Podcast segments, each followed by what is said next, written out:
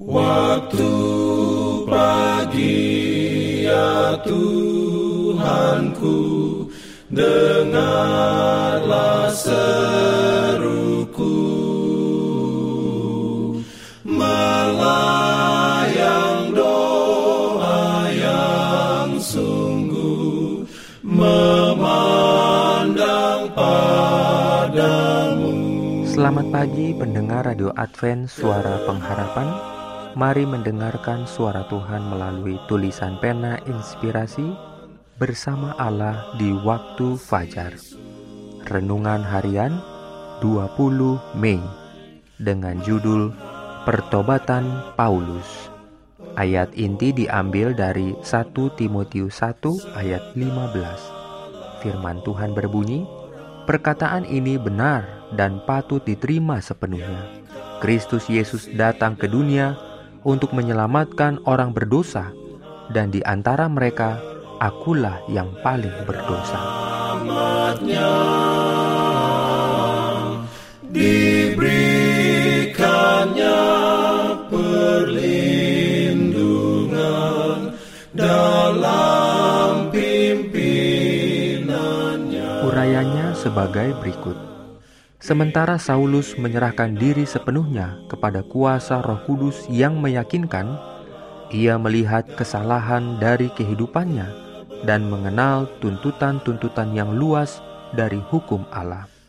Ia yang menjadi orang Farisi yang sombong, yakin akan pembenaran oleh perbuatannya yang baik, sekarang tunduk di hadapan Allah dengan kerendahan dan kesederhanaan seorang anak kecil mengaku ketidaklayakannya sendiri dan memohon jasa juru selamat yang telah tersalib dan bangkit itu.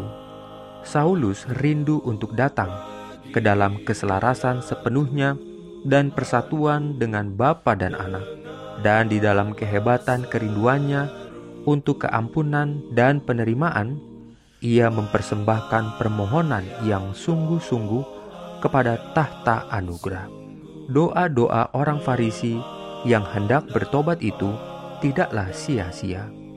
Pikiran dan emosi hatinya yang paling dalam diubahkan oleh anugerah ilahi, dan kecakapannya yang lebih mulia diselaraskan dengan maksud Allah yang kekal. Pertobatan Saulus adalah bukti yang mencolok tentang kuasa yang ajaib dari Roh Kudus untuk meyakinkan manusia dari dosa ia sudah percaya dengan sungguh-sungguh bahwa Yesus dari Nazaret telah meniadakan hukum Allah dan bahwa ia telah mengajar kepada murid-muridnya bahwa hal itu tidak lagi berpengaruh.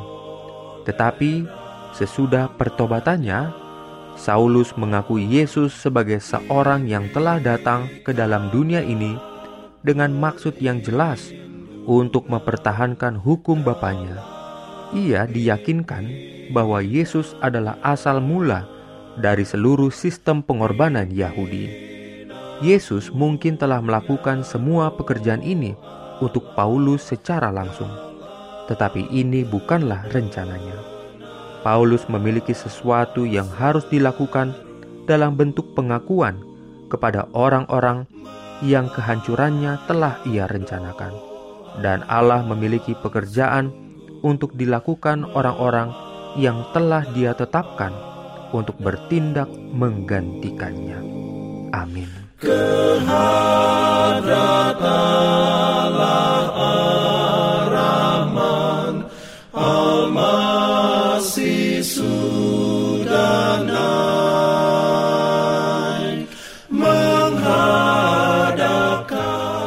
Pendengar yang dikasihi Tuhan, di tahun ke-35 pelayanan AWR Indonesia, kisah dan kesaksian pendengar terkait siaran dan pelayanan audio kami terus-menerus dikompilasi.